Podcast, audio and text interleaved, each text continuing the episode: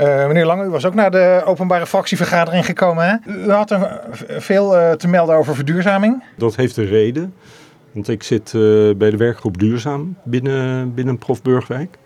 Dus dat, dat is eigenlijk de reden dat ik ook gewoon benieuwd was wat voor activiteiten er kwamen.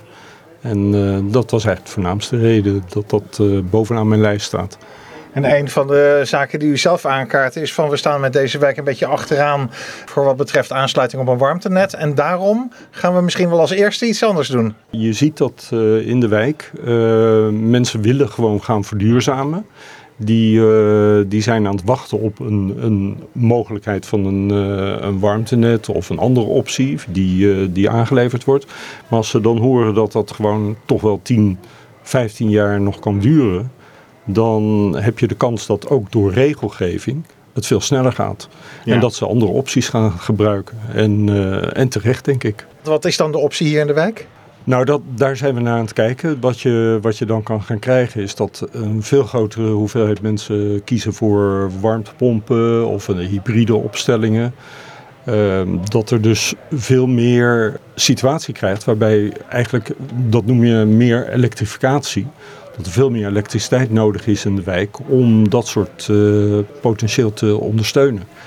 En het probleem daarbij is dat niet iedereen heeft die mogelijkheid. Het is vaak een, een duurdere mogelijkheid. Mhm. Of je hebt uh, een, een, VVE, waar dat ook vaak uh, lastig is om, om te doen. Dus deze wijk heeft best wel een issue van hoe ga je dat oplossen in de toekomst. En hoorde ik nou iets over een pilot met de gemeente? Nou, wij zijn aan het kijken wat het effect is van een sterke elektrificering in de wijk. Er worden vermoedelijk een groot aantal zonnepanelen neergelegd op de daken. Dat kan je verwachten over de komende tien jaar.